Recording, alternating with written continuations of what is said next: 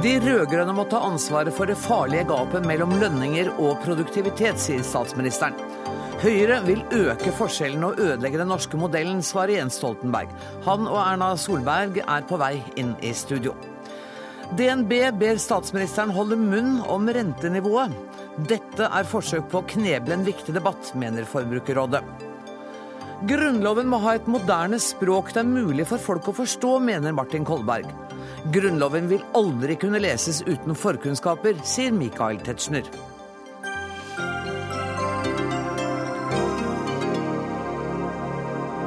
Dette er dagens Dagsnytt 18, der vi også skal møte et barneombud i harnisk over en helseminister som mener omskjæring av gutter skal foregå i det offentlige helsevesenets regi. Men først. Det ble kakekrig i Stortingets spørretime i dag mellom statsminister Erna Solberg og tidligere statsminister Jens Stoltenberg. Men det handler om noe langt mer alvorlig enn bakverk, nemlig om spriket som har oppstått mellom produktivitet og lønn. Statsminister Erna Solberg, hva er hovedproblemet? Hovedproblemet er at dette kan vi leve med i en del år, men vi kan ikke leve med det på lang sikt. Eh, og det mente jeg og trodde jeg faktisk at alle var enige om, at et, eh, over tid så må lønnsnivået i et land og produktiviteten henge sammen. Det mente Sigbjørn Johnsen i Stortinget i fjor òg. Og det vi har nå, og det vi har fått de siste årene, det er på en måte synliggjøring gjennom det gapet. Den oljeavhengigheten vi har. For det at vi har altså fått litt bedre betalt for oljen vår, men vi har ikke produsert mer. Vi har dermed en utfordring ved at produktiviteten vår er lavere enn det lønnsnivået på lang sikt så er det en oppskrift på at dette ikke kommer til å henge sammen. Sånn at reallønnsveksten har løpt fra produktivitetsveksten? Ja. Og da er vårt svar på det at vi må ha opp produktivitetsveksten. Eh, og så må vi, for det, det gjør Norge mer robust i fremtiden. For vi vet jo f.eks. at oljeressursene varer ikke evig. Vi vet jo at i fremover nå så vil impulsene fra oljesektoren til å bli lavere. Og for å slippe å få en hard landing etter oljealderen, så må vi løfte produktiviteten for å få en mykere landing og sikre arbeidsplassene. Så ditt svar er å løfte produktiviteten, ikke ikke å mane til moderasjon i lønnsoppgjørene? Nei, altså jeg kommer jo alltid til litt avstand til lønnsoppgjørene og mane til moderasjon. Jeg pleier å si at nå er de midt i lønnsoppgjør, så pleier jeg ikke å kommentere det. Men du det har gjort det, både du og Siv Jensen, sagt at og, dere forutsetter at det blir et moderat lønnsoppgjør. Og Jens har sagt det x antall ganger tidligere at det er viktig med moderate lønnsoppgjør. Men det, det er ikke lønningene som må ned nå, men det er produktiviteten som må opp, og robustheten i norsk økonomi må opp i årene fremover. For vi kan ikke lenger leve på en situasjon hvor vi får forutsetter at vi bare skal vinne i Lotto, eller ha høye priser hele tiden. Eh, vi har hatt en ganske høy oljepris de siste årene, som har gjort at det har vært mulig å leve med det. Det kommer ikke til å vare evig. Jens Stoltenberg, bestrider du at det har utviklet seg et større gap mellom produktivitet og lønnsvekst siden 2005? Ja, jeg bestrider det i den forstand at eh, det de bevisste blander sammen, er produktivitet målt i det som kalles volum, altså eh, mengde. Ja, mengde. Eh, og det som handler om verdi. Og Det som er avgjørende for eh, bedriftenes lønnsomhet, er jo verdien av det de eh, selger. Og det er altså slik at Reallønningene lønningene i Norge har vokst av to grunner. Dels fordi de produserer mer. Det er feil når man sier at de produserer mindre. Men i tillegg har vi hatt gode priser. Både på det vi selger, men ikke minst det vi kjøper. PC-er, mobiltelefoner, klær har blitt billigere. Og da har reallønna vokst. Og Det skulle jo bare mangle at ikke norske lønnstakere hadde glede av at importprisene går ned. Og det er all grunn til å tro at det er ganske en varig reduksjon i importprisene i forhold til norsk prisnivå. Men så kommer det viktigste. Vi har en verdiskapning i landet her. I bedriftene så deler vi den omtrent liksom 70 eh, til lønnstakerne og 30% til eierne. Den fordelingen er nøyaktig den samme nå som den var for fem år siden, ti år siden, 20 år siden. Så når de er bekymret for at lønningene utgjør en for stor andel av produktiviteten eller verdiskapningen, så er det bare én ting det betyr. Det betyr at man ønsker en omfordeling der lønningene skal utgjøre en mindre andel av de samlede inntektene, og eierinntektene skal øke. Nå hørte ikke jeg at det var det hun sa. Jeg hørte at jo, men, hun snakket om en litt annen del enn det. For men du... det hun sier er at produktiviteten skal øke. Men hvis produktiviteten øker, da øker jo inntektene. Og de skal jo fordeles mellom eiere og lønnstakere, eh, som vi har gjort før. Og gitt at vi har samme fordeling, så er 10% økning i produktivitet gir 10% økning i eh, lønninger og 10% økning i eh, eierinntekter. Og da er det gapet hun er bekymret for, akkurat like stort. Så altså, Vi må skille mellom det å bake kaka. Jeg er veldig opptatt av å bake stadig større kake. Men eh, gitt at kaka blir større, ved at produktiviteten øker, så kan jo kakestykket som både går til lønnstakerne og til eierne, øke. Og Da blir det ikke noe mindre eller mer gap. Det blir altså akkurat det samme. Og det at vi deler disse inntektene på en rettferdig måte, det er Arbeiderpartiet opptatt av. Hvis vi forutsetter at prisene fortsetter å være i norsk favør i årene fremover, så er faktisk Jens Stoltenberg delvis rett i det han sier. At da vil du fortsatt ha et gap, men du kan ha det på et høyere nivå. Jeg mener at denne forskjellen skaper noe sårbarhet for norske arbeidsplasser fremover. Priser kan falle. Oljeprisen trenger ikke å være så høyt oppe. Jeg husker selv, og det syns ikke det er så lenge siden 1999, andre kan synes det er lenge siden, da hadde vi 12 dollar fatet. Vet at det hadde vært Og hva er prisen i dag? Ja, I dag er prisen eh, hva er den, blitt 100 og et eller annet, 110 omtrent, sånn, dollar fatet. Og den har ligget veldig høyt i mange år. Vi ser f.eks. noen industrier som opplevde. Metallindustrien hadde ganske høye priser fra 2005 til 2007. Så falt den. Hva har skjedd med de? Jo, de har faktisk Noen måtte stoppe produksjonen. De har lav lønnsomhet. Og vår utfordring er på en måte at priser kan falle. Etterspørselen kan skifte etter varer, og selvfølgelig så kan produksjon flytte ut. Og Hvis vi nå ser på de signalene vi ser fra en del større bedrifter i Norge, så er det jo faktisk at de flytter en hel produksjon ut. De legger ned aktivitet. De har, de, vi har noen tegn på at vi har nådd et kostnadstak i Norge. Og da er vi nødt til Den eneste måten vi kan bære kostnader på, er å løfte produktiviteten høyere. Men, men, igjen, altså, vi er alle for å løfte produktiviteten. Vi er alle for å bli mer effektive. Og jeg er veldig glad for at den nåværende regjeringen følger opp veldig mye av den forrige regjeringen satte i gang, i forhold til f.eks. eksempel effektivisering av offentlig sektor, forenkling av skjemaveldet for næringslivet, digitalisering av tjenester og den type ting. Eller pensjonsreformen, som er kanskje den aller største og viktigste reform for et mer effektivt og produktivt Norge. Men det er ikke det dere gjorde dette til en debatt om. For dere begynte ikke å snakke om produktivitet. Dere begynte å snakke om det såkalte gapet mellom produktivitet, verdiskapning og lønninger. Og da snakker dere om noe helt annet. Nemlig ikke hvor stor skal kaka være, men hvordan fordeler vi kaka? Og det jeg sier er at eh, Vi har i dag en inntektsfordeling mellom eiere og ansatte som er eh, ganske nøyaktig den samme som vi har hatt gjennom 30-40 år. Og Da er det galt å snakke om et gap. Da er det snakk om at den, de økte inntektene landet har fått, både fordi vi produserer mer, mm. og fordi vi har gode priser både på det vi selger, men ikke minst billige priser på det vi kjøper, at det deles på en rimelig rettferdig måte mellom eh, ansatte og eiere. Men, men dette har du sagt før, men, men det statsministerens poeng var jo at kanskje er vi i ferd med å nå kostnadstaket? Altså det er jo slik at eh, Kostnadene er høye i Norge fordi norske bedrifter er lønnsomme. Nettopp, det er jo hennes poeng. jo, poeng. Og det er jo veldig bra at de er lønnsomme. Vi skal jo glede oss over at vi, på tross av at vi har kanskje verdens høyeste lønninger, er blant de landene som har verdens laveste arbeidsløshet og verdens høyeste sysselsetting. Eh, så er det ikke slik at det at det har gått bra fram til i dag, er noen garanti for at det går bra i all evighet framover. Men én grunn til at det går bra i Norge, er, er jo at vi har delt de store inntektene Norge har på en rimelig rettferdig måte. Statsminister, du har ikke arva et stort problem Og når på de den når de snakker om et gap, eh, så er det altså fordelingen av kakestykkene. Og jeg mener at det er helt urimelig at de skal fordeles på en måte som gjør at eierinntektene, som også har økt i takt med lønningene, skal øke mer. Og at det, da altså øh, lønningene må gå ned. Og Det holder ikke nå å svare at produktiviteten skal øke. For øker produktiviteten, så blir kaka større. og Det er nettopp fordelingen av det vi diskuterer. Men det bidrar til å minske sårbarheten i norsk økonomi. Og det er det vi har illustrert med den grafen. Det er den sårbarheten vi har. Hvis du får et prisfall, hvis bytteforholdene våre til utlandet blir annerledes, så har vi altså bevilget oss selv et lønns- og velferdsnivå som ikke vi har bærekraft i produktiviteten vår for øvrig til å bære. Derfor har jo denne regjeringen nettopp satt produktivitet ned- i, førersetet for mye av det vi skal gjøre. Og Derfor er vi så opptatt av konkurransekraften til norsk næringsliv. Og det er nok ikke sånn at vi kan si at konkurransekraften er perfekt for norsk næringsliv. Vi ser jo mange tegn for øyeblikket nå på at eh, det er nedskalering av aktivitet, at det er oppsigelsesrunder, og at nettopp konkurranse, altså den eh, bærekraften til de utgiftene vi har, som ikke bare er et spørsmål om lønn, men som også er et spørsmål om lønn, men først og fremst også et spørsmål om hva vi gjør på forskning, innovasjon og nyskaping på andre områder. Og det er en helt ny og annen debatt som vi skal ta ved et Med annet uh, innhold i produktivitet til i dette. Nettopp. Um, tusen takk for at dere kom. Et lite øyeblikk før du går igjen, Stoltenberg. Altså det folk kanskje er vel så interessert i å høre om i dag, som om ditt syn på produktivitet og lønnsforskjeller, det er jo uh, Er du villig til å gå inn som generalsekretær i Nato hvis du blir spurt? Lek at jeg spør deg. Ja. Jeg har makt til det. Ja. Og da sier du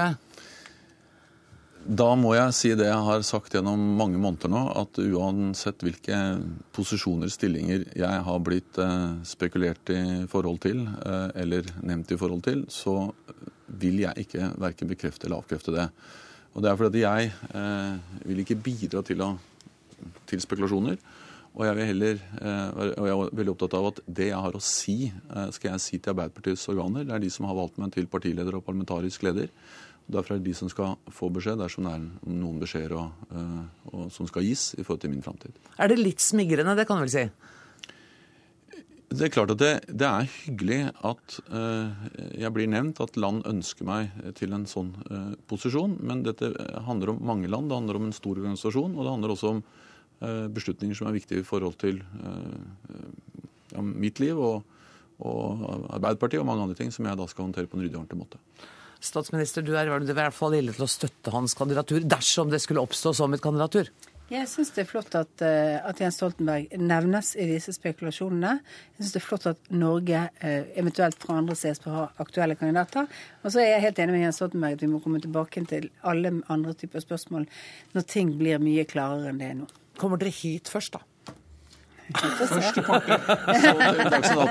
Tusen takk for at dere kom, Jens Stoltenberg og statsminister Erna Solberg. Eh, inn i studio kommer eh, to kommentatorer som kan mer om dette enn de fleste. Lars Nehru Sand, politisk kommentator her i NRK, Arne Strand, kommentator i, Dagsavisen. jeg fikk ikke mer ut av Jens Stoltenberg enn eh, det han sa i går, men det var liksom verdt et forsøk. Ja. er du overrasket over at han ikke vil si noe mer? Nei, det er jo jobben hans i den fasen vi er i, i nå. Men han uh, avviser det i hvert fall ikke. En ting er at han ikke gjør det her, men han har heller ikke gjort det eh, når da verdensledere har eh, tatt kontakt, og når dette har blitt et, et tema i de kretser nær sagt, hvor man diskuterer sånn før det er formelle prosesser. Og Jeg hører jo at folk liksom tenker at det er for tidlig i Dagsnytt 18 å snakke om framtida til Arbeiderpartiet etter at Jens Stoltenberg har slutta. La oss nå likevel gjøre det. Hvis Eh, det skulle være slik at Stoltenberg fikk seg et, et internasjonalt verv. Det vil vel være litt for tidlig for Arbeiderpartiet eh, i forhold til den planleggingen de har? Ja, dette er før skjema for deres interne planlegging. og Den historien har de jo fortalt helt siden det ble ut bok om Stoltenberg i 2011 mm. og frem til nå. Ved mange rundingsbøyer hvor Jens Stoltenbergs videre karriere har vært et naturlig samtaleemne. Så har det vært eh, sagt, og, og, nok til at eh, både meg og flere tror på det, at eh, Jens Stoltenberg brenner for norsk politikk. Det er her han vil være og diskutere grafer med Erna Solberg. og at det er gøyere enn FN-bygningen og, og langtekkelig internasjonal diplomati. Men er det gøyere enn Nato? Det, det, er i hvert fall vanskelig å si nei. Dagsnytt 18, Nato, jeg vet ikke. Ja, det er kanskje omtrent like vanskelig å si nei til Obama som til Arne Grosvold. Men, men han, han, har selvfølgelig lyst på en sånn jobb, selv om det er litt utenfor de, eh, de politiske tematikker man, man, forbinder med Jens Stoltenberg her hjemme. Mm. Arne Strand, hva tror du? Kommer han til å si ja til et sånt tilbud? Ja, han, kan, han, kan ikke, han, kan, ikke, si nei til et sånt tilbud. Da måtte han ha sagt nei med en gang han fikk den forespørselen fra Det hvite hus. For initiativet ligger altså i Washington. Amerikanerne har fått med seg eh, tyskerne. Mm. Og britene skal være med på laget. Og flere andre av de store Nato-landene går for Jens Stoltenberg nå. Og dette har vært klart i ukevis. De har vært flinke til å holde på hemmeligheten. At de ikke har, eh, har, har lekket ut. Det er litt dårlig for oss at ikke vi har fanget opp. Men, men han det? Er, Stoltenberg har selvfølgelig ja, visst det. I mange uker. Ja, han har visst det i måneder, tror jeg. Og, og har altså latt dette, latt dette, skje. Det betyr at han er klar. Men du kan, ikke, du kan, ikke, si at du er valgt til generalsekretær før de har valgt deg, og det skal skje i september. Så det Arbeiderpartiet gjør nå, er å planlegge for et landsmøte neste år, hvor de skal velge ny ledelse. Ok, Og hvem blir det? Det tror jeg blir Jonas Gahr Støre.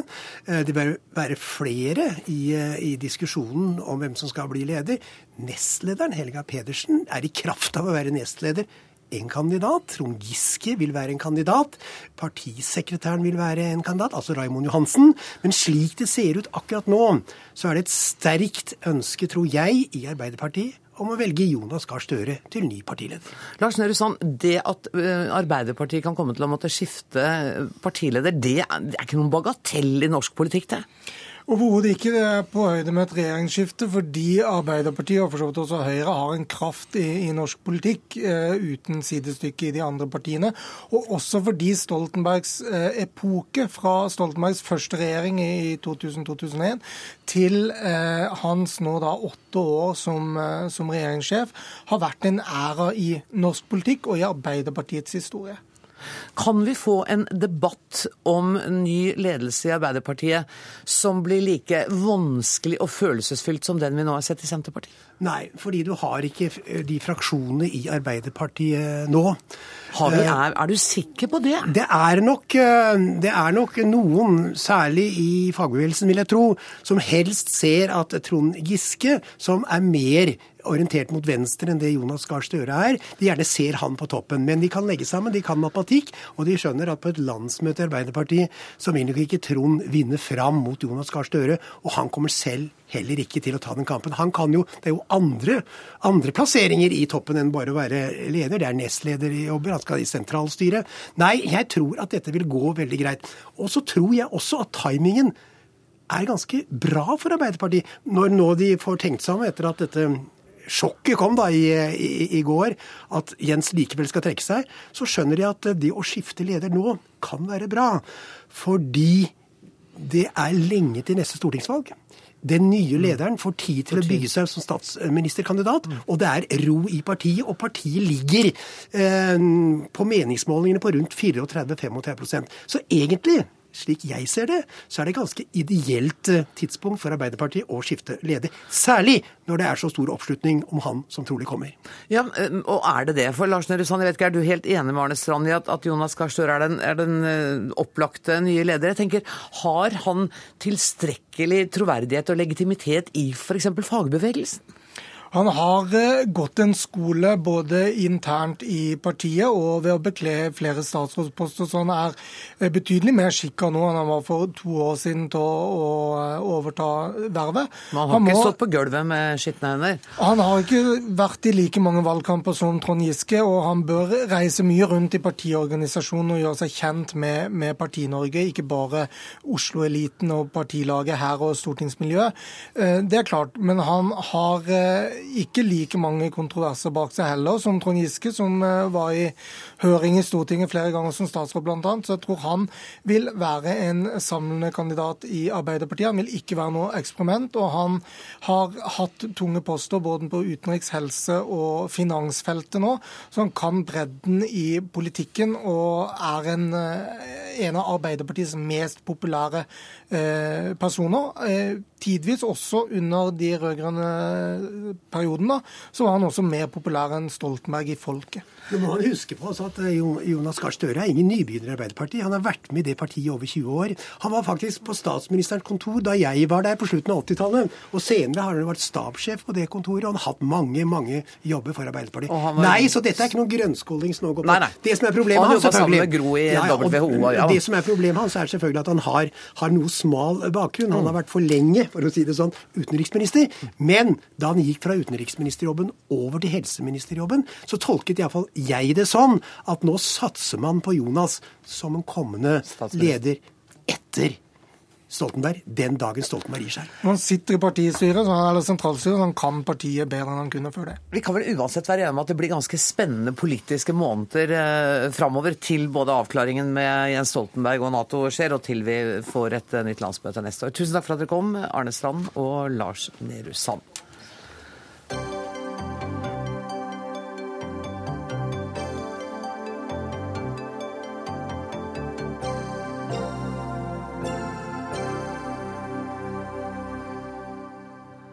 En prorussisk borgerverngruppe stormet i dag morges en ukrainsk marinebase på Krim.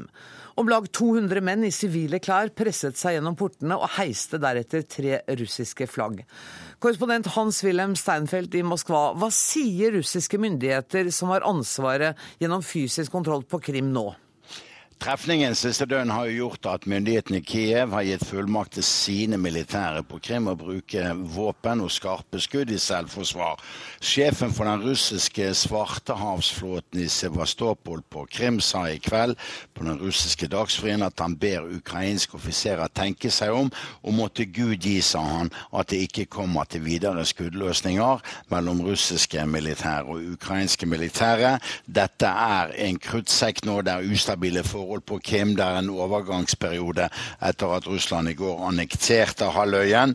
Eh, og det er et lovvakuum. Det er eh, stor forvirring med hensyn til hvilke regler som gjelder.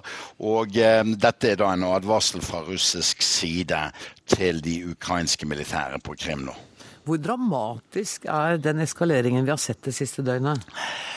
Det er jo en brudd på avtale mellom Russlands og Ukrainas eh, forsvarsministre fra før helgen om at de ukrainske militære uansett folkeavstemning skulle få være i fred frem til 21. mars. Og den avtalen kan vi bare trygt slå fast er brutt. Og slik ter russerne seg når de har den fysiske overmakten. Det vet hver eneste østeuropeer fra og med Tallinn i nord til og med Balkan. Her i studio har jeg besøk av Arild Moe, forsker ved Fridtjof Nansens institutt. I dag sa tidligere president eh, Mikhail Gorbatsjov at eh, Vesten har misforstått litt. Han støtter annekteringen av Krim og sier at folket nå har rettet opp et historisk feilgrep. Jeg ble utrolig overrasket da jeg leste det, men det var kanskje ikke så overraskende for dere som er eksperter på dette? Eh, det han gir uttrykk for, er jo veldig samstemt med det som er holdningen hos et stort eh, flertall eh, av russerne. Jeg er likevel eh, veldig overrasket over at han ikke problematiserer annekteringen mer. Han sier riktignok i dette intervjuet at han er syk og ikke har hatt full oversikt over hva som er skjedd i, i Ukraina. Men hans støtte er allikevel meget klar. Og så er det kanskje et lite forbehold i at han er syk og ikke skal ha for mye kritikk for sine uttalelser. Eh, Putin ble møtt med stor applaus da han i tale i går forsvarte denne gjenerobringen av Krim. Hvordan vurderer du den begrunnelsen Putin har gitt? Nå har vi hørt Hans-Wilhelm Steinfeld si noe om det. Ja, den talen det er jo en lang, voldsom tale, og den har egentlig tre pilarer. Det ene er det historiske, eh, nemlig at eh, Krim alltid har vært russisk, og ved en feil begått av Khrusjtsjov ble overført til Ukraina, og nå er kommet hjem til, til Russland, kort fortalt. Det andre er det situasjonsbetingede. At situasjonen i Ukraina er så uklar og farlig at folket på Krim henvendte seg til Russland om støtte. Ønsket å være uavhengige av Ukraina og slutte seg til Russland. Altså eh, nedenfra og opp-aksjon. Men så er det det at han går mye lenger i den talen. Han snakker ikke bare om disse to forholdene direkte til Krim. Denne talen er et generaloppgjør med, med, Vesten, hvor alt vonde som er skjedd siden 1991 blir nevnt. Og han vil rette opp i den, etter hans oppfatning, historiske eh, urettferdigheten som er, blitt begått mot Russland. Så det er altså et, en meget skarp og bred, eh, bredt oppgjør eh, med Vesten. Kan du gi ett eksempel på noe han mente Vesten har skyld i? Ja, altså Han mener jo at Vesten står bak eh, det som har skjedd i, i, mm, i Kiev. Han sier riktignok at eh, demonstrasjonen i utgangspunktet var forståelig, men så har det kommet inn vestlige provokatører som har da støttet seg på disse fascistiske elementene. Eh, det er veldig mye sammensvergelse i, i dette her. Alt som har skjedd i Jugoslavia, selvfølgelig. Kosovo nevnes. Ja, det er nesten ingenting som ikke nevnes. Espen Barth Eide, du er direktør i Verdens økonomiske forum, og du er også med oss. Eh, hva slags konsekvenser tror du annekteringen av Krim får? Ja, De har jo helt åpenbare konsekvenser i selve eh, Ukraina. Eh, men det er klart at dette setter jo det internasjonale klimaet mange år tilbake. fordi dette er på mange måter en enda mer dramatisk enn den vi så under og etter eh, Georgia-krigen. Eh, og har på mange måter bekreftet de verste scenarioene for en retur til en ikke til kald krig, men til en forestilling om nullsumspill mellom øst og vest, der land må være enten det ene eller det andre. Og for et land som Ukraina er det en tragedie i seg selv, fordi det er egentlig et valg det landet ikke kan ta. Det er ikke mulig for å se for seg en positiv økonomisk utvikling i Ukraina hvis ikke de er i stand til å handle både østover og vestover. Hva vil være det avgjørende i løpet av de nærmeste dagene?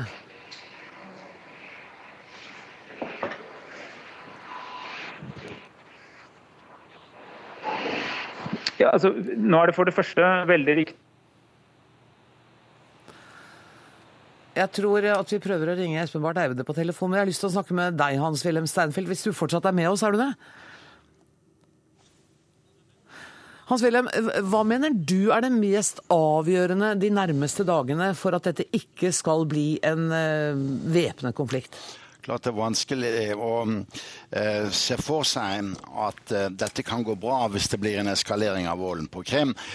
Samtidig har Russland i dag gått ut med en appell om å få nedsatt en internasjonal meglingsgruppe i konflikt med Ukraina. Men premisset for det russiske forslaget er at Ukraina må anerkjenne at Krim har sluttet seg til Russland. Dette har regjeringen i Kiev utelukket. Dere nevnte Kosovo. Det er en bærebjelke i den russiske argumentasjonen, og etter mitt begrep som faghistoriker totalt meningsløst, fordi det var nødrett som grunnga folkeavstemningen i Kosovo etter en krigsforbryterisk etnisk rensking under Milosevic styre.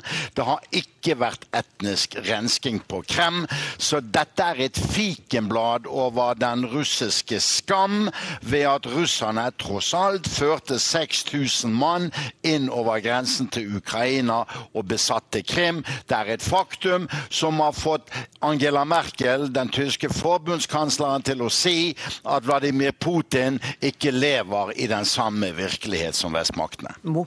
Eh, for øvrig så benekter jo Putin akkurat dette i sin tale og hevder at, eh, at eh, Og sett og snakket med disse offiserene. De har tatt vekk registreringsnumrene på tanksene, vekk sine distinksjoner. Avtalen om konvensjonelle styrker i Sentral-Europa gjør at Nato kan bilnummeret på hver panservogn i den russiske hæren, og vice versa. Dette er en tysk handel fra Putins side som savner sidestykke i moderne historie. Mitt poeng var selvfølgelig ikke å, å forsvare det som har skjedd, jeg bare vil gjengi det Putin sa. Nettopp. Og da er Espen Barth Eide med oss igjen. Jeg spurte deg hva du mener vil bli det, det aller mest avgjørende de nærmeste dagene. Ja, de aller nærmeste dagene tror jeg det viktigste av alt er at alle parter, både i og utenfor Ukraina, trekker pusten dypt og tenker seg litt om før dette nå får en egen dynamikk som gjør at en allerede veldig farlig situasjon blir enda verre.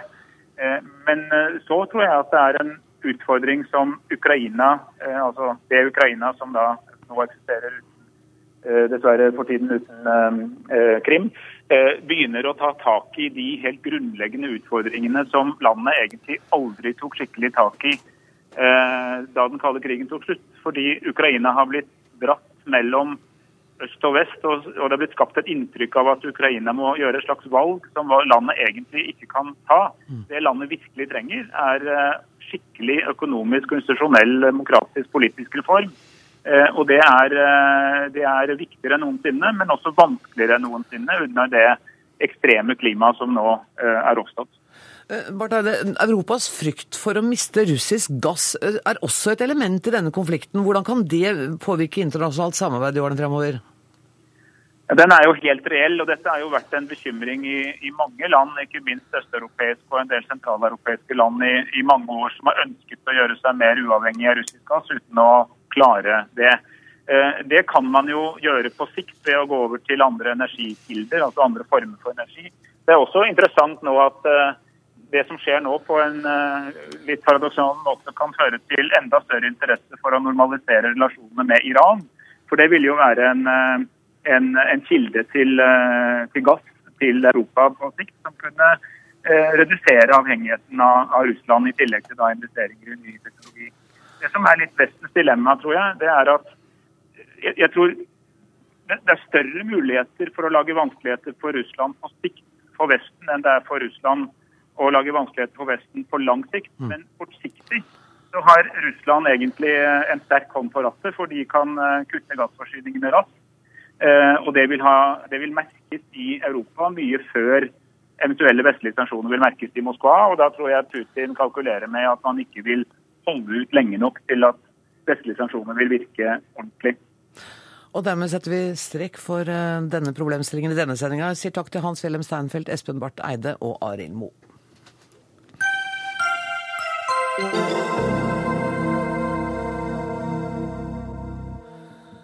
Hei, Jon Gunnar og også dere gutta på SMK. Jeg registrerte med en viss overraskelse at statsministeren på TV i kveld uttalte seg om bankenes rentesetting. Det var et sitat fra det brevet DNB eh, skrev i slutten av februar og sendte til Finansdepartementet og til statsministerens kontor. I går publiserte TV 2 brevet i sin helhet. DNB reagerer på at statsministeren uttaler seg om rentenivået uten å nevne økte krav til bl.a. egenkapital. Jørge Jensen, fagdirektør i Forbrukerrådet, du mener DNB nå prøver å kneble en viktig debatt. Prøver de ikke bare å holde statsministeren litt på matta her? Nei, de går nok etter mitt syn lenger. For de går også inn og definerer hvilken arena det skal være. At det skal være en diskusjon som foregår i lukka rom, eh, i direkte dialog, og at det ikke skal foregå i for åpen scene. Og Det er viktig for oss. Dette er en viktig diskusjon for oss som samfunn. Eh, vi er nødt til å diskutere eh, renter og konkurranseforhold i bankmarkedet, og det må statsministeren være med på. Eh, statsministeren, Vi har invitert henne selvfølgelig, siden hun var her til å snakke om dette også. Det hadde hun ikke lyst til i dag. Jeg vil bare sitere en setning, fra, en setning til fra brevet, eh, hvor Kai Martin Georgsen, direktør i næringspolitikk, da avslutter med å si jeg er overrasket hvis statsministeren og andre fra regjeringen nå ønsker å by opp til en debatt om dette, hvor vi vil se oss nødt til å svare mer konkret og direkte. Er dette en dulgt trussel? Ja, jeg leste det sånn. Jeg opplever det her er det er en invitasjon til, til å eller, formaning om at ikke man skal gå inn i problemstillinga. Det er ikke bra. Men dette er jo et, veld, et, brev veldig uformelt i tonen. Det er smilefjes, det er hei Jon Gunnar, det er litt kameratslig.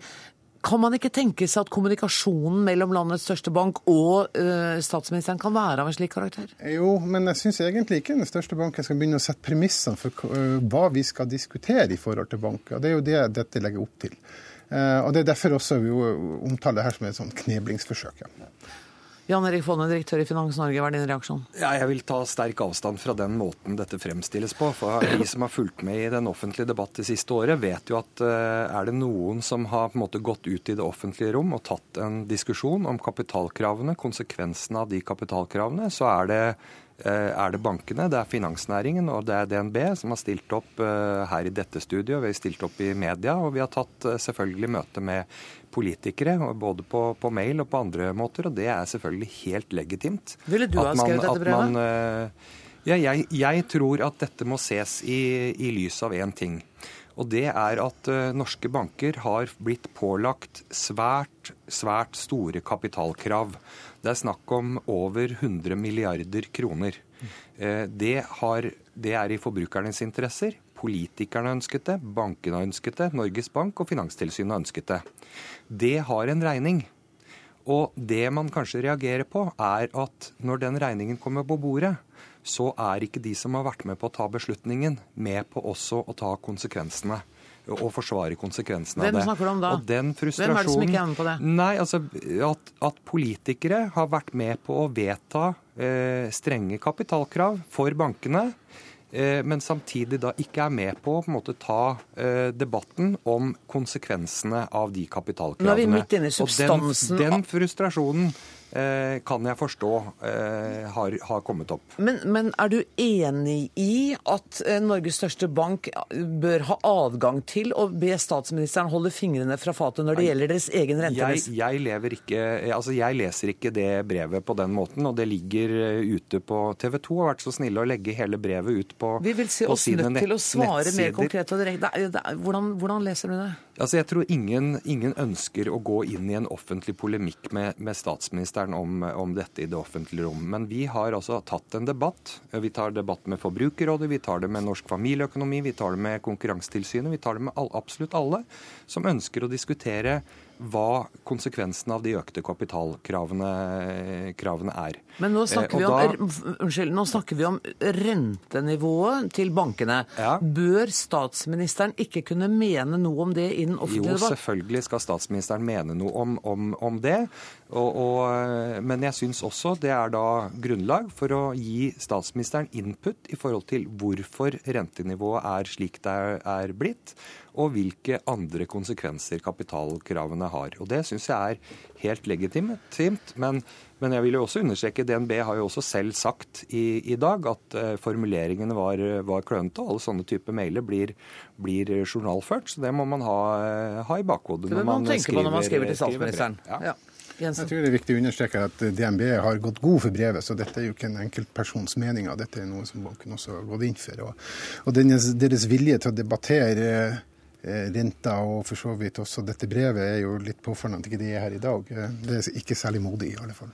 Nei, og Vi har selvfølgelig også invitert eh, DNB, men de hadde ikke mer å si om saken enn det som står her. Du har sagt at dette er et forsøk på å kneble en viktig samfunnsdebatt. Men Fåne har jo helt rett i at når det gjelder kapitalkrav og når det gjelder rentenivå, så, så går jo den debatten hele tida i det offentlige rom. Jo, og det er jo litt å peke på hva som har skjedd. Eh, fordi jeg opplever jo dette brevet som inntoget til noe mer, at man ønsker å dempe denne debatten. Og det står ganske eksplisitt der at ingen er tjent med at debatten går. Så eh, ja, det har vært en åpen debatt. Er dette måten man skal begynne å lukke debatten på, og at man skal ta det i møte med Finansdepartementet? Det er bekymringa vår. Det skal være ute på åpen scene. Nå, nå altså, jeg skjønner ikke hva som er motivet til Jorgeir, men det virker som om han er ute etter å konstruere en uenighet som ikke er til stede. Altså Denne debatten tar vi hvor som helst, når som helst og med hvem som helst. Ja, dere gjør det, men DNB gjør det åpenbart ikke? Jo, DNB har gjort, eh, gjort eh, det også. Det er ikke noe, ikke noe problem. Men, men, de eh, henstiller her til at ingen er Eller de sier at ingen er tjent med at denne, at denne debatten tas? Jo, altså Debatten må tas, men da er det på en måte også viktig at man legger de riktige premissene til grunn. At man på en måte ikke, ikke bare Altså dette er mer kompliserte debatter enn at man ser på innlånsrente og differansen mellom innlånsrente og utlånsrente. Dette er det største omlegging, største kapitaloppbyggingen i norsk eh, banks, bankvesens eh, historie. Det er snakk om enorme, enorme summer. Det har konsekvenser for utlånet fra banker, det har konsekvenser for eierne, det har konsekvenser for de ansatte og det har konsekvenser for lån, långiverne. Eh, og, og, det må på en måte de som har vært med på å beslutte dette her, også ha et eierskap til. Men, men for oss låntakere så er det faktisk interessant å diskutere eh, forskjellen mellom eh, utlånsrente og den markedsrenten som banken har. Sånn at det er litt pussig at vi ikke skal kunne ha lov til å gjøre det. Ja, men det, Vi sitter jo her og gjør det nå. Nei, Du snakker, jeg, vi, du snakker jo om økte økte kapitalkravene. Du snakker jo ikke om rentemarginene ja, og, Jo, jo. Og konsekvensene av økte kapitalkrav er jo at politikerne har sagt at norske banker må tjene mer penger. Eh, og vi har tjent mer penger. Eh, og så opplever vi at vi får kritikk når vi har tjent, tjent mer penger. penger. Jeg, jeg synes det, er, det, blir, det, blir, litt prat rundt det som er problemstillinga her. Dette er et brev fra DNB hvor man prøver å holde statsministeren unna en viktig debatt. og Det står å lese i brevet, og heldigvis er dette brevet da åpent for alle til å lese. Og vi kommer til å fortsette å diskutere dette, og det med din velsignelse, Fåne. Tusen, tusen takk for at dere kom, Jørg Jensen og Jan Erik Fåne.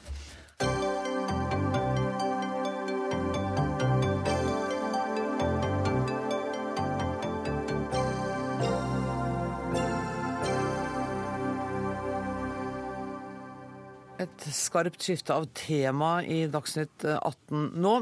Omskjæring av guttebarn bør heretter skje på sykehus etter fødsel i offentlig regi.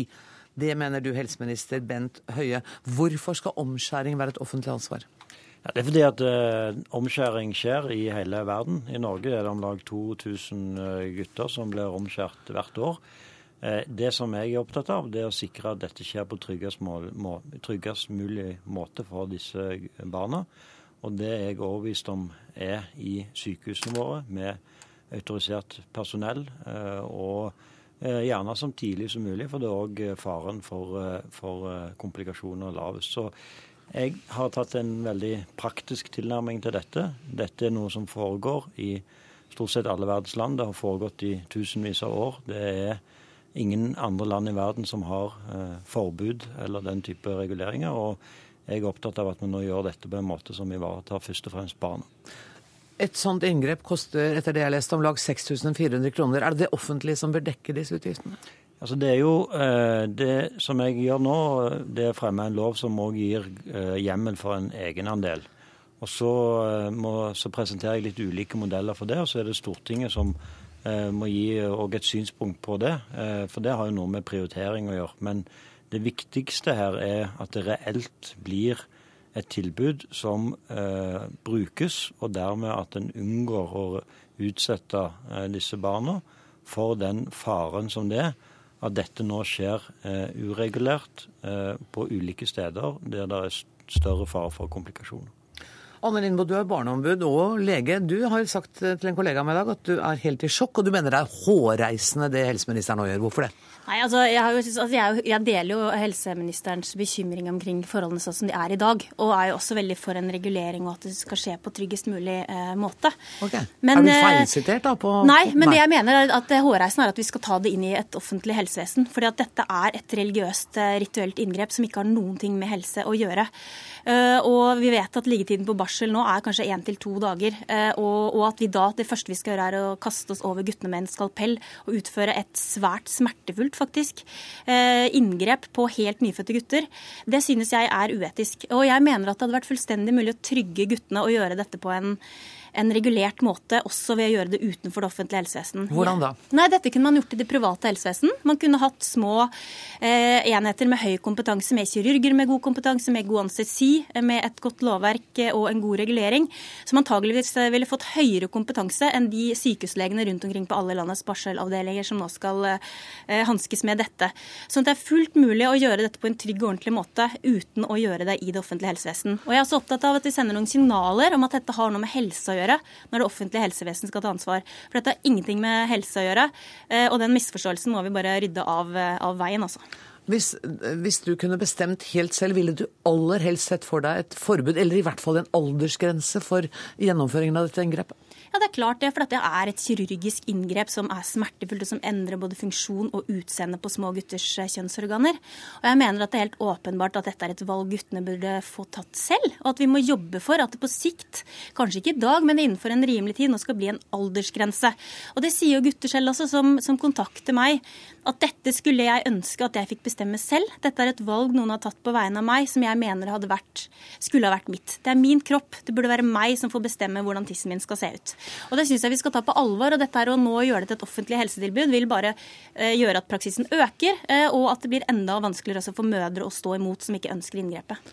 Høie, hadde det ikke vært en idé å ha spesialis høyt spesialiserte, kompetente enheter innenfor det private helsevesenet som kunne ta seg av dette? For det første er jeg nå veldig glad for at uh, Barneombudet virker som vi har, vi har, en mye mer moderat tilnærming til dette enn vi har hatt tidligere, og nå erkjenner at dette er et tilbud som vi må gi spesialisthelsetjenesten.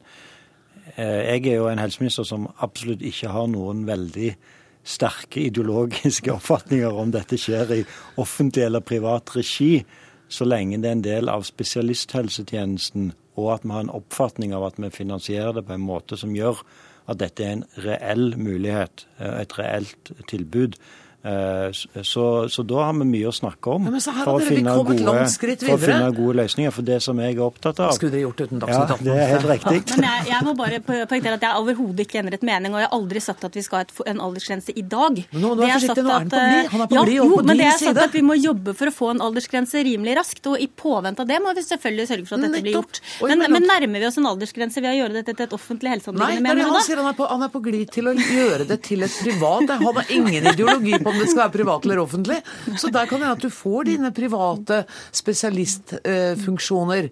Da vil vel du være fornøyd inntil videre, inntil du får til den? Ja, så lenge vi samtidig følger opp med god informasjon overfor disse miljøene som driver med dette, om at dette har ingenting med helse å gjøre. Det er smertefullt, det er forbundet med komplikasjoner, eh, og det er noe man faktisk ikke bør gjøre før guttene er gamle nok til å ta det valget selv. Og det er klart at det vil jeg oppfordre helseministeren til å ta på alvor, at disse miljøene trenger helseinformasjon. For veldig mange muslimer gjør det fordi de mener det er helsefremmende, og ikke fordi det er et strengt religiøst påbud. og Der mener jeg du som helseminister har et ansvar i forhold til å sørge for at de miljøene får eh, god informasjon. Men jeg leste akkurat i dag at eh, i USA f.eks. så er det ikke bare muslimer og jøder, men der er det også altså ateister og eh, mange tusen mennesker som ikke gjør det av religiøse begrunnelser, men hvor dette er helt uaktuelt å forby. Syns du at Norge burde være et foregangsland når det gjaldt å få til et forbud? Ja, det syns jeg. Og, og, det er klart at i USA så bruker man voksenhelseargumenter. ikke sant? Det at det kan forebygge spredning av hiv og aids. Det syns jeg er dårlig argumentasjon, for at små babyer i Norge får ikke hiv og aids. Uh, og jeg tenker at det får være et, et, valg man tar selv når man blir gammel nok, og man ønsker å omskjære seg for å for å få noe redusert eh, smitterisiko. Og USA er jo et av de få landene som ikke har ratifisert Barnekonvensjonen. altså Det å se på barn som selvstendige individer med selvstendige rettigheter er ikke spesielt uh, utbredt der. Og jeg tenker at Norge vi er et foregangsland på, på barns rettigheter. Jeg synes at vi burde være det første landet som er tøffe nok til å ta barneperspektivet her, og ikke voksenperspektivet. Noe forbud kommer ikke til å komme i din eh, regjeringsperiode, Høie, men du er altså villig til å snakke om de praktiske løsningene for å få dette inn i forsvarlige former? Altså, Så lenge det er et tilbud som spesialisthelsetjenesten har ansvar for, og at det blir reelt nå løfta fram, og at det skjer i eh, god helseregi, sånn at vi er trygge på at dette skjer nå med minst mulig risiko for skade for barn. og Da er det gode medisinske grunner til at det skjer raskt mens barnet er, er lite, og ikke at vi venter over lengre tid, for da øker òg komplikasjonsfaren. Tusen takk for at du kom. Jeg vet du, jeg er helt nødt til å sette strek. Det står andre mennesker og venter på å komme inn. Kan ikke jeg foreslå at dere går og tar en kopp kaffe og blir enige om dette? Tusen takk, Anne Lindboe, barneombud, og Bent Høie, helseminister.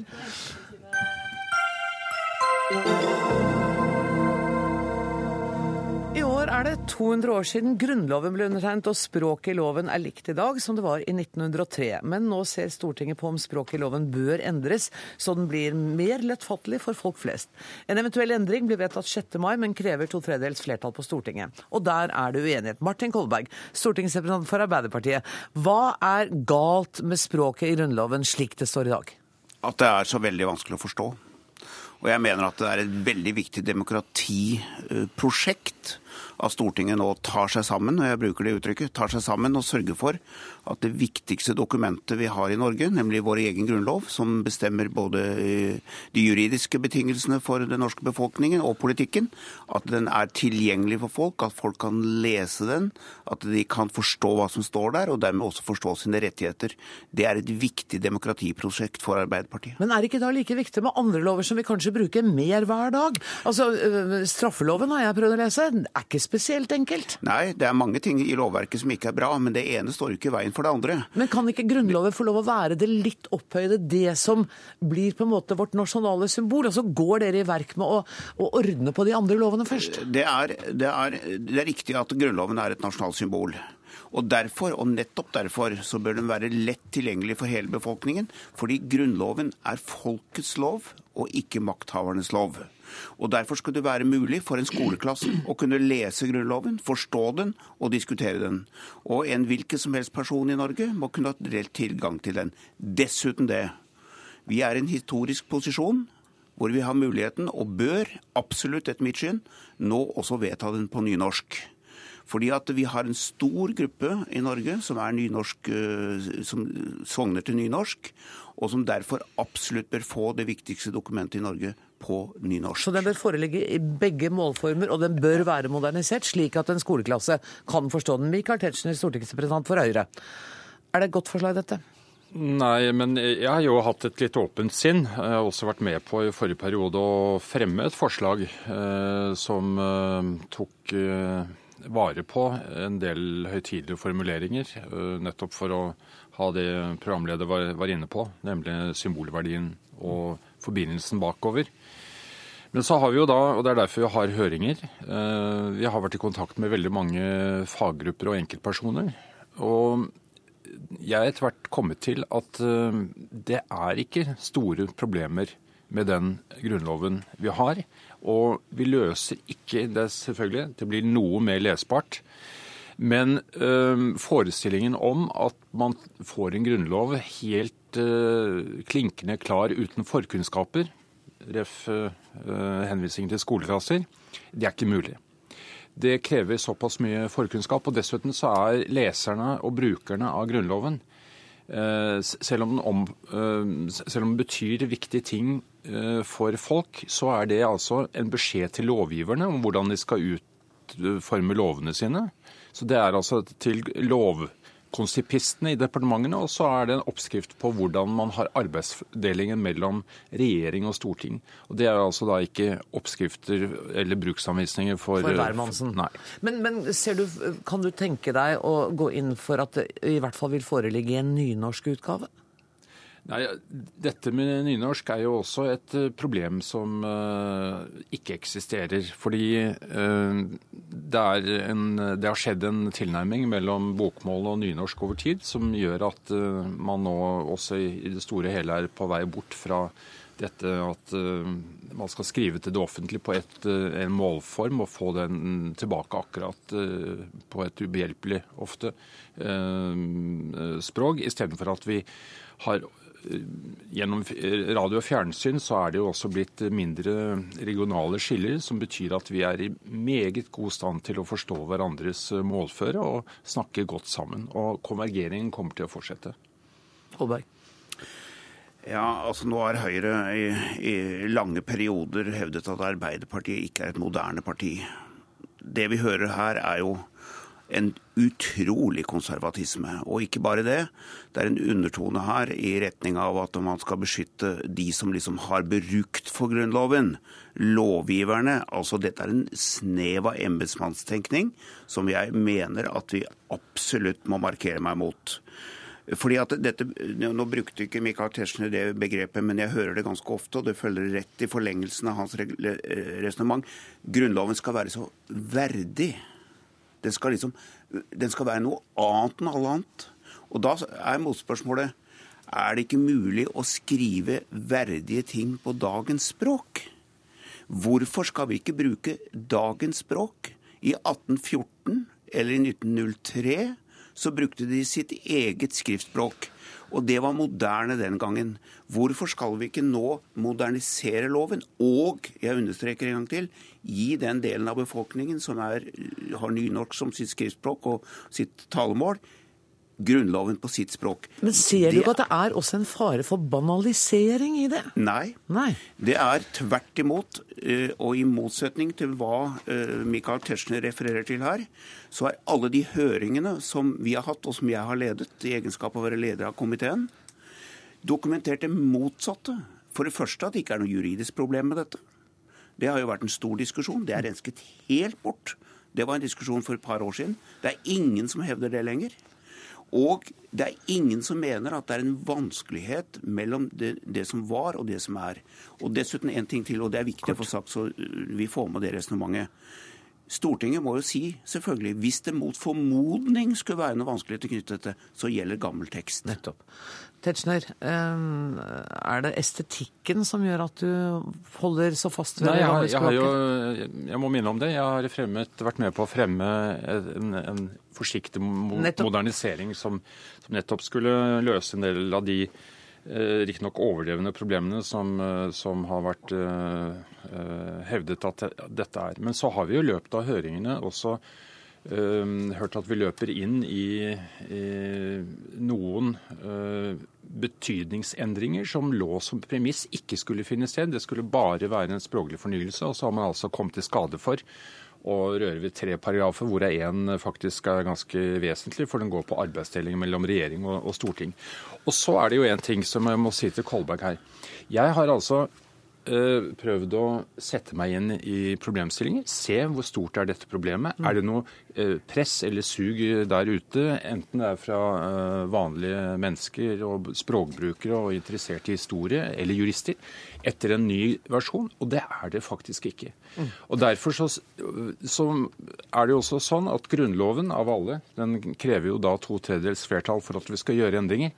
Og da tror jeg det hadde vært klokere å ha et litt mer åpent sinn hvis vi skulle bygget en så stor enighet. Men, men det jeg da opplever, er at min komitéleder liksom karakteriserer andres uh, forslag som bastarder eller veldig vanskelig, eller de mistror våre motiver. Det legger ikke noe godt grunnlag for å gjøre det forsiktige moderniseringsarbeidet som mange kunne være sympatisk innstilt til. Da må vi bare rett og slett følge med og se hva Stortinget kommer til i mai, om det blir to tredjedels flertall eller ikke. Men tusen takk for at dere kom, Martin Kolberg og Michael Tetzschner.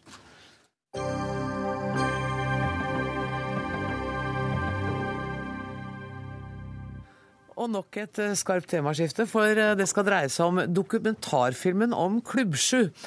Denne klubben som er blitt en legende, og som preget ungdomskulturlivet i Oslo og store deler av landet faktisk i mer enn 20 år, fra 1963. Eh, Even Benstad, denne klubben har vært omtalt, omskrevet, debattert, oppskrytt, sjikanert, og nå en dokumentarfilm. Var den virkelig så viktig? Det var den. Det vil jeg si. Hvorfor det? Fordi at det var eh, Altså, 60-tallet trengte jo en eksplosjon. De trengte jo at noe skjedde. Eh, Det var eh, tørt og kjipt. Og, og det var veldig mye som skjedde på 60-tallet. Altså, herregud, P-pillen kom, miniskjørtet, ikke sant, og studielånet også, og Klubbsju. Og det henger sammen. Og altså nå, så lenge etter, den ble vel nedlagt i 1985. Eh, likevel så er det altså, Dere er jo for unge til å ha, ha opplevd dette her, August Hansen. Hva er det som fascinerer deg med dette? Jeg vet ikke, Både jeg og Even har vel vært litt sånn retrofantaster hele livet, tror jeg. Og Klubb 7 Kom har... litt nærmere mikrofonen selv. Ja, Vi har vært litt sånn retrofantaster Ja. hele livet. så Klubb 7 har liksom ligget der som en sånn forlokkende mytisk materie ganske lenge. Og når vi har holdt på med andre prosjekter, så har det liksom dukka opp klubbsjuere. Du skulle Som, nesten ønske du hadde vært 20 år eldre. Ja. Det er jo en fæl måte å si det på, men ja, kanskje. Det var gøy å være der. Eh, Kanskje det, enda eldre enn 20 år. Enda eldre enn 20 år, ja. Eh, Hvordan lager man en dokumentar på noe som eh, mener, De som var aktive der, noen av dem er døde, noen av dem er for gamle til å snakke om dette nå? Altså, vi har laga en uh, film som egentlig er laga litt som et kollektivt minne. Litt sånn som man tenker seg at folk tenker tilbake. Uh, så det er, en ganske sånn, det er en kaotisk film. Det er en film som, som er inne og ute av klubbsky, og vi bruker veldig altså, populære fra den tiden.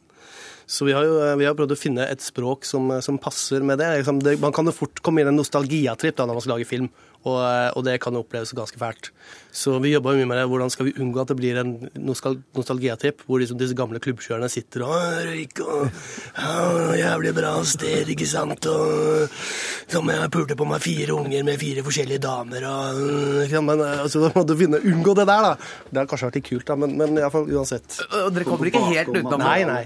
Hva sa du, Ja, man... kommer på bakom-materiale og alt det der. Den, blir... den filmen er jo 25 minutter lang, så vi får ut igjen sånn bakom, sånn bonus-DVD med fire timer bakom-materiale. Med, med den type Ja, prat ja. som det, det var jo, ja. jeg mener, det var jo et kaotisk sted også. Vi har vel kanskje ment at det, filmen Vi hadde lyst til at den skulle reflektere det også. Det var jo alt mulig rart som var der. Altså, hva får du når du kaster stevere og folk som spiller hardingfele inn sammen med Jens Bjørneboe og landets ypperste jazzsaksofonister, gitarister, og Lillebjørn Nilsen hadde jo sine barneskritt der som artist, og alle disse tingene inn samme sted. Og litt alkohol, og litt annet. Ja, ikke minst. Jeg kan si av egen erfaring at det var ikke et sted foreldrene dine oppfordra deg til å gå. Nei, ikke sant. Du har vært der? Skal, nå skal ikke det handle om meg, men jeg bare sier at foreldrene oppfordra ikke til å, til, å, til å gå dit. Hvorfor eh, er dette kulturstedet De drev med alt mulig, med konserter, med teater, med lyrikksamling. Altså, de gjorde alt, og mange hadde sin debut der. Hva var det som gjorde dette til det stedet? Altså, for, altså for så tror jeg det, det handler om at det, det var det stedet. Og det er jo hele poenget. Det var det stedet. Og, eh, og det var alt. ikke sant? Det var jo teater, det var musikk, det var jo til og med pensjonistkvelder. Sånn til glede for dine foreldre. Eh, og, så, og så ble det, ble det nok en sånn kreativ smeltedigel. Altså Veldig mange av de kulturpersonlighetene vi har i dag, de kommer jo fra Klubb 7. Eh, de har jo vært der alle sammen, i større eller mindre grad.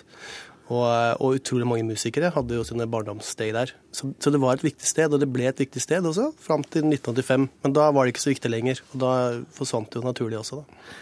Sier det noe om den tida det ble opprettet, at det var rom for den der? Kunne man tenkt seg klubbsju i dag? Nei, det tror jeg ikke. Eh, Eller ikke, jeg føler ikke det i hvert fall. Altså, klubbsju reflekterer vel i veldig stor grad den tida det, det virker i. Så klubbsky på 60-tallet og noe helt annet enn klubbsky på 70-tallet og på 80-tallet. Og i dag så tror jeg på en måte at um, det er mye høyere takhøyde, og det er mange flere nisjer. Folk finner nisjene sine, de finner ikke sammen på samme måten. Da. Som gjør at kanskje uttrykkene Man kan dyrke veldig mange sære forskjellige ting innen musikk, litteratur, hva enn. Så gjør man det i fred og ro hjemme eller sammen med andre likesinnede. Man får ikke den, det fellesskapet som var på Klubb 7. Sånn at på en måte så er rommet for subkulturer litt større nå? Ja, det er jo enormt. absolutt. jeg mener, det er, jo, det er jo ikke altså På den tiden så var det, jo, var det jo en protest bare å ha langt hår. Eh, mens i dag så er det jo altså Hvis du skal protestere, så må du jo gå i kloster. Og det skal vi ikke gjøre i kveld, i hvert fall. Eh, Når, når, når og hvor får jeg se denne dokumentaren? På søndag klokken tre på Filmens hus så blir den vist. Vi ses der. Tusen takk for at dere kom, Espen Benestad. og Even. August- Even, unnskyld. Even, unnskyld meg. Der kan du se, altså det er the Freudian slip. Um, jeg skal bare helt til slutt avrunde med å fortelle at det var Eivind Våge som var ansvarlig for denne sendinga. Det tekniske ansvaret har eh, Finn Lie, og mm, som sagt, dere kan altså se dokumentaren om eh, Klubbsju på Filmens hus på søndag. Takk for nå.